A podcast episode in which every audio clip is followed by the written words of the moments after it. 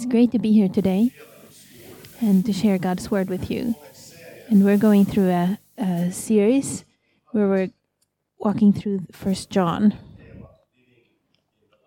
and the topic is living in light. And this is the third sermon in this series. Uh, Stefan had the first uh, part two weeks ago, and Simon preached last week on this topic. And I recommend that everybody would listen to these sermons if you weren't here because they were really good. It was very important teachings. So do look that up if you haven't heard it. But if you weren't here before, no worries, because we will uh, do a little bit of a uh, recap here in the beginning. John writes this letter to make sure that his listeners and readers um, are aware of the faith that they have received that Jesus is Christ, that he is the Son of God, and that he speaks. So John speaks and shows how faith looks like and what it does not look like. And the letter has so far been about that the historical Jesus was a real person, that the apostles, John specifically, had touched and seen, and that really was God. And he talks about how how you can and how you should treat sin as a Christian, and that we have the forgiveness of sins. And Simon speaks about knowing God and how it's connected with wanting to obey God. So all of this we have had so far. And in this society, we are quite careful with saying that what is exactly right and what is exactly wrong. But the Apostle John, he sure does not have a problem with this. But he says that this is the truth and this is right and this is wrong. So he challenges us a little bit with this black and white thinking. But we know that this thinking was also the way Jesus was thinking, that he was very straightforward and he said things the way they were. But he doesn't do this to make his uh, listeners worried, but he really he really wants them and us to be able to be sure in our faith. That's what it's about. But he also wants it to be possible to see what is true from what is false. And in today's verses, he uh, also uh, starts thinking about a different group than who he's writing to. He talks about those who want to lead you astray.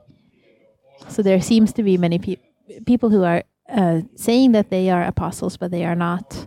And they seem to be coming with some sort of better version of the Christian faith deeper knowledge, maybe a better anointing, or something deeper, something more than what they had received.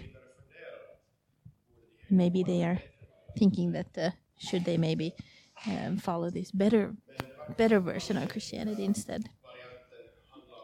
But maybe this version of Christianity was about that you don't have to think about sin, that you don't have to think that you are under Jesus' word and authority. But it doesn't say exactly what uh, wrongful teaching this was all about.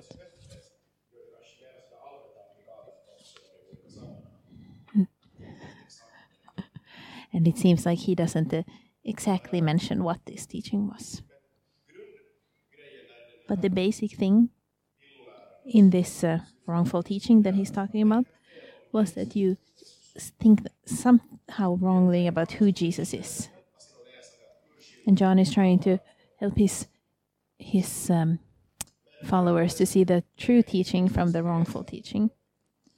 And let's read this text before we go further into it. So it's First John chapter 2 verse 12 to 27.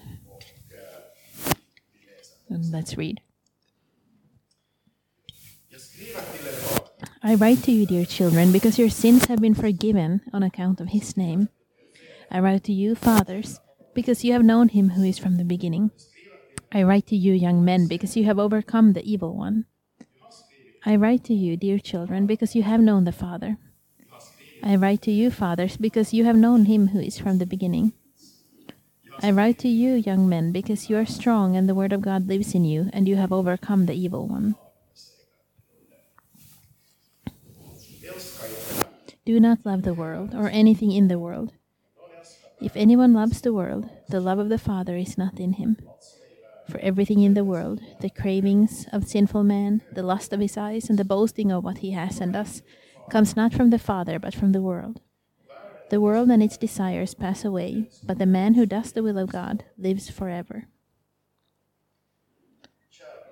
Dear children, this is the last hour, and as you have heard that the Antichrist is coming, even though many Antichrists have come, This is how we know it is the last hour.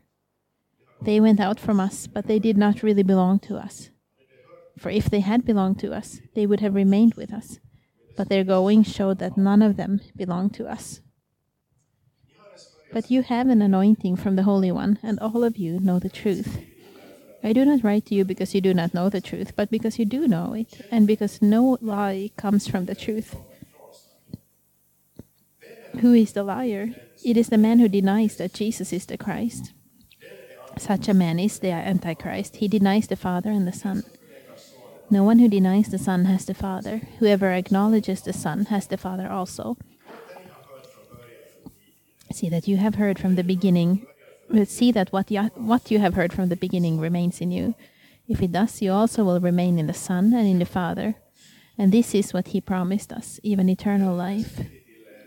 I am writing these things to you about those who are trying to lead you astray. As for you, the anointing you received from him remains in you, and you do not need anyone to teach you.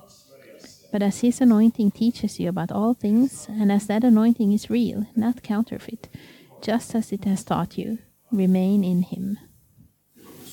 This was the word of God. So, in other words, John challenges his readers, his listeners, in many ways, but he does not want to uh, to question their faith, but he wants to strengthen it. He wants to make them sure of their faith. And let's start looking at the verses 12 to 14.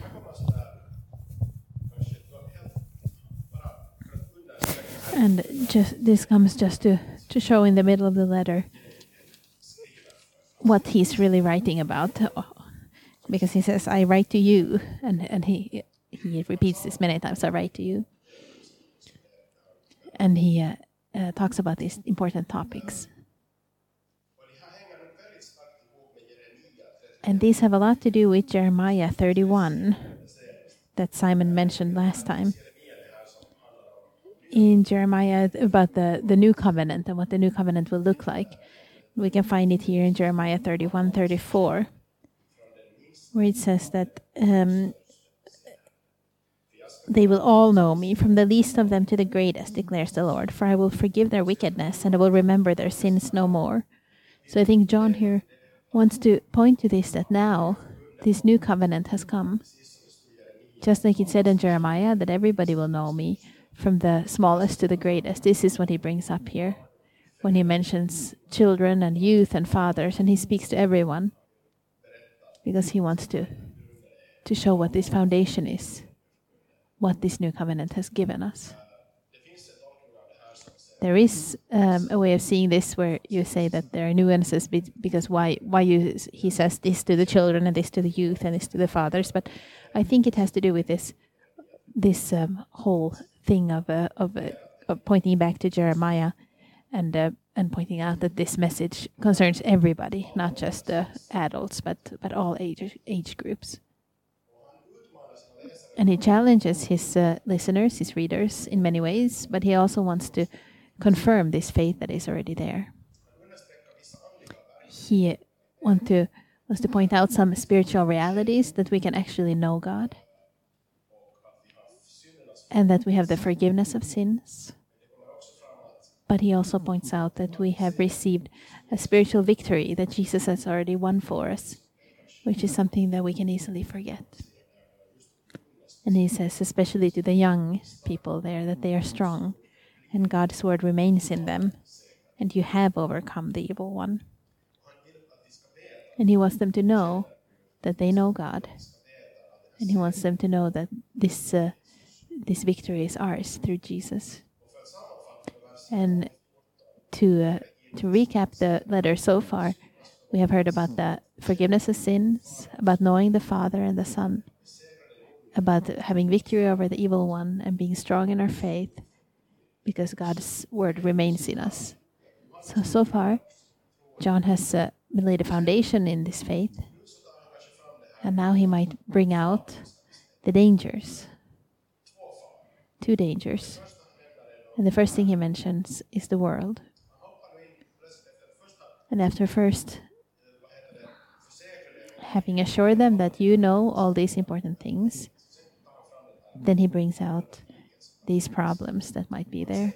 And he says that don't love the world or anything in the world. If anyone loves the world, the love of the Father is not in him.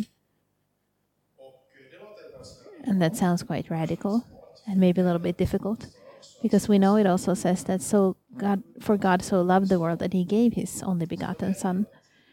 So we know that it could not mean that we all of a sudden should hate the world because God loved it. And we know that Jesus called us to love our, love our enemies. So you know John doesn't mean that for us to hate the world, but he means that we should not love the world. But what he doesn't mean is that we should be against everything that is good in creation. But he means that we should be against uh, this spirit of the world that is described here. That we shouldn't love the things of the world in the way of the world. To place something other than God as the highest thing in our life is what we value and what we love. We know from the Bible stories that people turned away from God and became God's enemy and uh, made their thoughts wrong and turned to the cre- creature instead of the um, the creator. And this is what it's about. If you if you love the world, you love it instead of God. You put your joy and uh, and in this and see this as your highest. Is this rebel- rebellious uh, self-govern government that we shouldn't love? This worldly way of thinking. And he explains it more carefully there in verse 16 that everything in the world, the cravings of sinful men, the lust of his eyes, and the boasting of what he has and does. So, a spiritual uh, hunger about uh, that people have, dri- that's driving them, have, having a desire for something might look different in different people's lives. One person might be tempted by one thing and another by another thing. And it doesn't necessarily have to be any bad things. Um, but it's this um, longing that only God can fill that people try to fill with something else. And what John wants us to um, to stay away from. And we know that this has been, of course, uh, misinterpreted. Um, you can interpret it so that you become an asket and you live in the forest and you don't have anything to do with the world. But since we have the whole Bible, we know that this is not what John means. We know the Bible and God, um, they affirm the cre- uh, creation as something good and that everything good comes from God. But maybe we can think that why uh, would John mention um, that um, this right now? Um, I think it has to do with this um, wrongful teachings that he mentions later.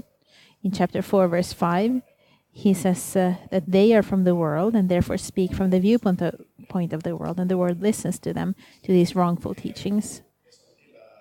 So, what the, these wrongful teachers teach and the world are somehow connected. And so, John is warning his listeners, his readers, from loving the world because it is connected with these wrongful teachings that he's also trying to warn them against.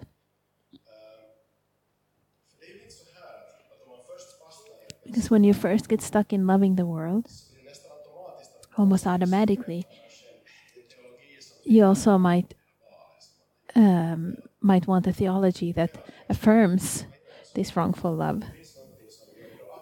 And there is something that makes it attractive. If you first want to love the world, then you have an easy time buying a theology that makes it possible somehow. And if you if they say that this is a higher spirituality, a more advanced theology, a deeper knowledge, then you get two things at once. You both get to love the world, and you can think that it's affirmed by God, even though it would be wrong. So this somehow is connected. And just like the snake in the garden did, he said that, uh, Has God really said? And uh, does God really want what's best for you? And pe- people might think that you have to take things into your own hands to make sure that you have uh, joy. So, this warning um, has to do with all of us not to love the world. And we are tempted by the world. And when we are tempted by the world, we are also tempted by the theology that makes this uh, worldly way of living possible.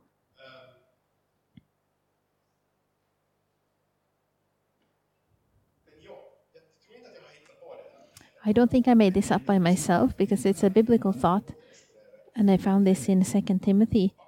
Um, also, Paul says there in Second Timothy uh, four and three, he says that there the time will come where when men will not put up with sound doctrine.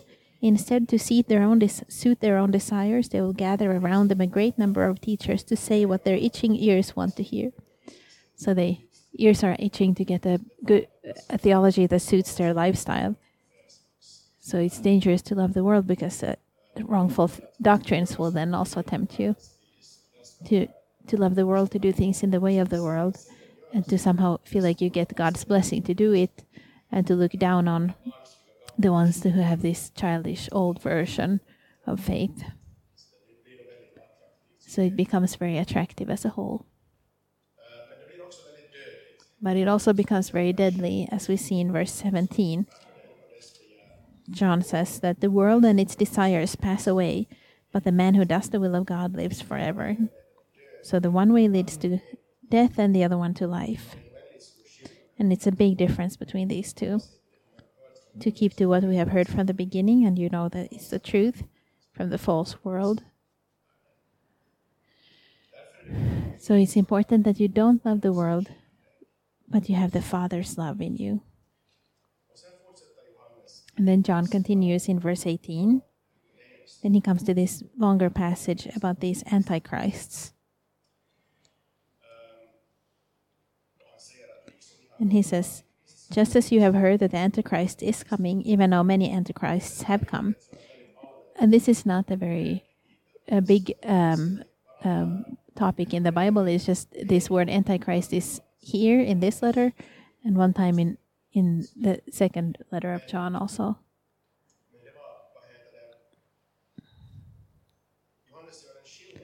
But John makes a distinction between the the Antichrist in the singular, who describes this evil man in the at the end times that that um, Paul talks about in First Thessalonians, and that has to do with the devil and the end of the world. So John means that yes, there will be an antichrist, but already now there have come uh, anti-Christians. So he wants to maybe take their focus away from thinking about who is this great antichrist at the end, and also, but instead think about that there have come many many small antichrists in the plural. And what he brings up here is that these wrongful teachers, it's uh, are doing that is seriously wrong. That he he draws this parallel between the Antichrist and uh, these uh, um, these wrongful teachers, and showing that like having this wrong doctrine is a serious problem. And it was a group that had somehow been uh, a part of these apostles or had some sort of fellowship with them because it said that they they went out from us but they did not really belong to us so somehow they have come out of this apostolic uh, uh, group without having ever been apostles. But John wants to paint this picture of how this apostolic fellowship looks like so that they can see also what doesn't fit in. So you could see who comes out from the the apostolic and uh, that you see that they they do not these do not be, belong to it and he's not ashamed of calling these people antichrists and we shouldn't be so surprised maybe that from this christian fellowship this comes out because paul already warns the ephesians in acts 20 and 30 he says that even from your own number men will arise and distort the truth in order to draw away disciples after them. So be on your guard. And uh, Paul also says in Ephesians 11:19 he says there ha- there has to be parties within among you to show who is uh, really a true Christian. Um,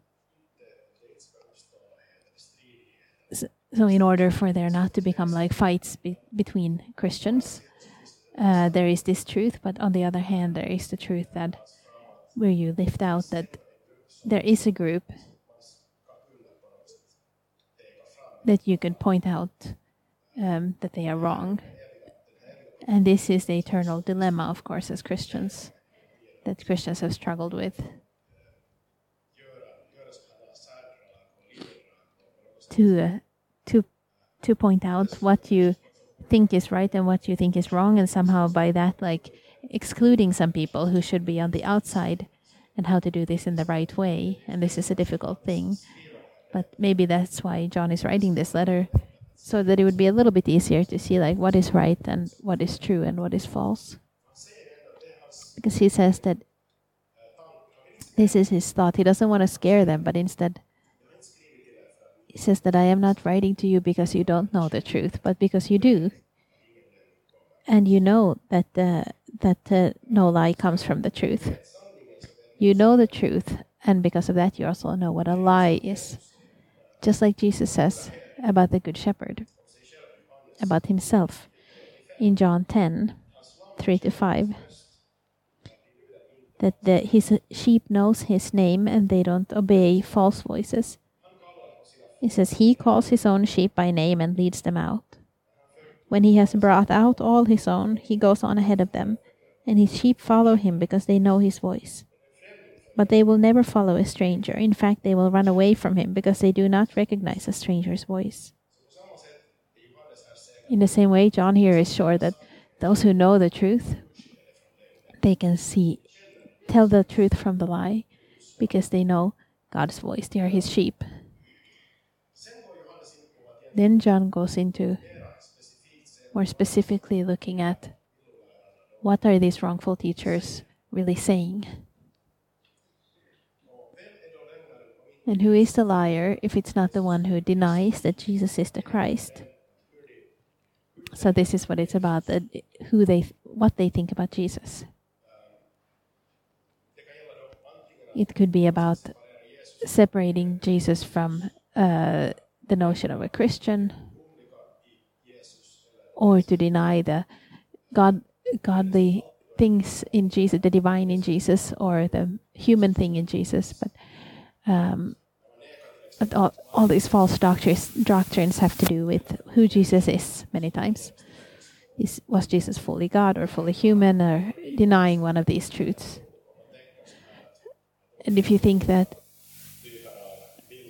about different kinds of false doctrines, different false views of Jesus. This is what comes out. You could talk about the the divine in Christ when you say that it doesn't have to do with this um, historical man Jesus. Then this is anti-Christian according to John. Or if you say that Jesus is special but he wasn't divine this is also anti Christian, according to John. Or if you say that he was just a prophet. Or if you say that Jesus is one of many manifestations of a Christian spirit, anything like that. But what John is talking about came from inside the church.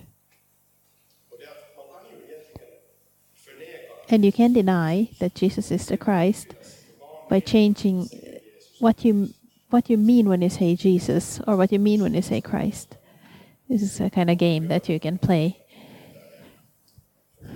to to uh, put people astray.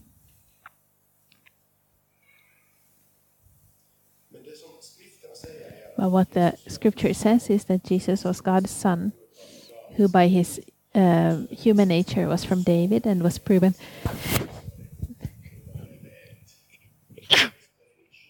Sorry. So he feels dysfunction.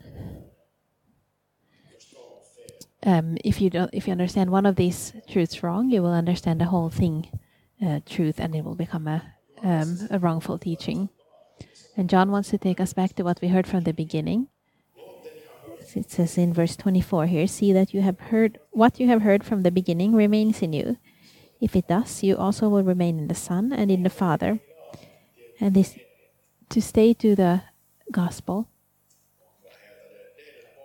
This is the reminder, both for them, these first listeners, and for us today, to stay to what we have heard from the beginning, to the gospel of Jesus Christ, our God's Son.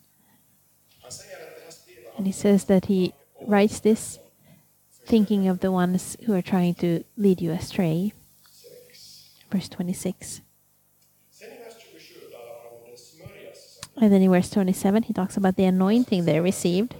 And I would say that this has to do with the Holy Spirit that they have received and that we have received, and who uh, Simon preached about last time.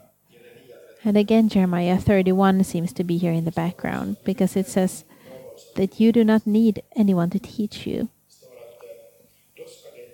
it says, but because it said in Jeremiah, uh, no longer will a man teach his neighbor or a man his brother, saying, Know the Lord, because they will all know me from the least of them to the greatest. It says in Jeremiah. So in this new covenant, the Spirit in us uh, um, sees this uh, gospel. So we do need teaching, but teaching by itself can't give what the Holy Spirit can give, which is salvation. And believing God and belie- uh, becoming His child happens th- through the Spirit, and not just through teaching on its own.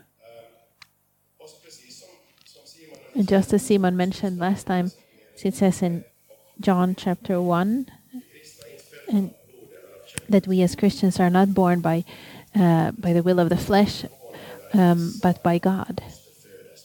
So he says, Be not surprised that I said that you need to be uh, born again, because uh, teaching cannot do that. Because even though it says in Romans 10, it says that uh, faith comes through hearing and hearing through the Word of God. So we can recap the text of today to remind ourselves that we should uh, trust in the um, the the first message that we heard from the beginning, um, the message of the Gospels. We have um, God's Spirit in us, uh, witnessing that we belong to God, and witnessing about who Jesus is. And the Spirit in us can recognize the true voice, that it is the voice of Jesus that we heard here in the the word of the disciples. We don't need a new voice or a deeper voice or a better voice or a better anointing. But John says that remain in him, just as the anointing that we have received has taught us. And secondly, we should be on our guard for the world's power to to to lure us and tempt us. It's easy to for us to love the world, and when we compromise and we love the world, it leads our thoughts in the wrong place. And John warns us from loving the world and the message of the world. And we can we can listen to the voice of the good shepherd so we can thank God that we can see the truth in God's word in John's letters and we can let it challenge us in a good way so that we together with John can rejoice in what we have received. Let's pray.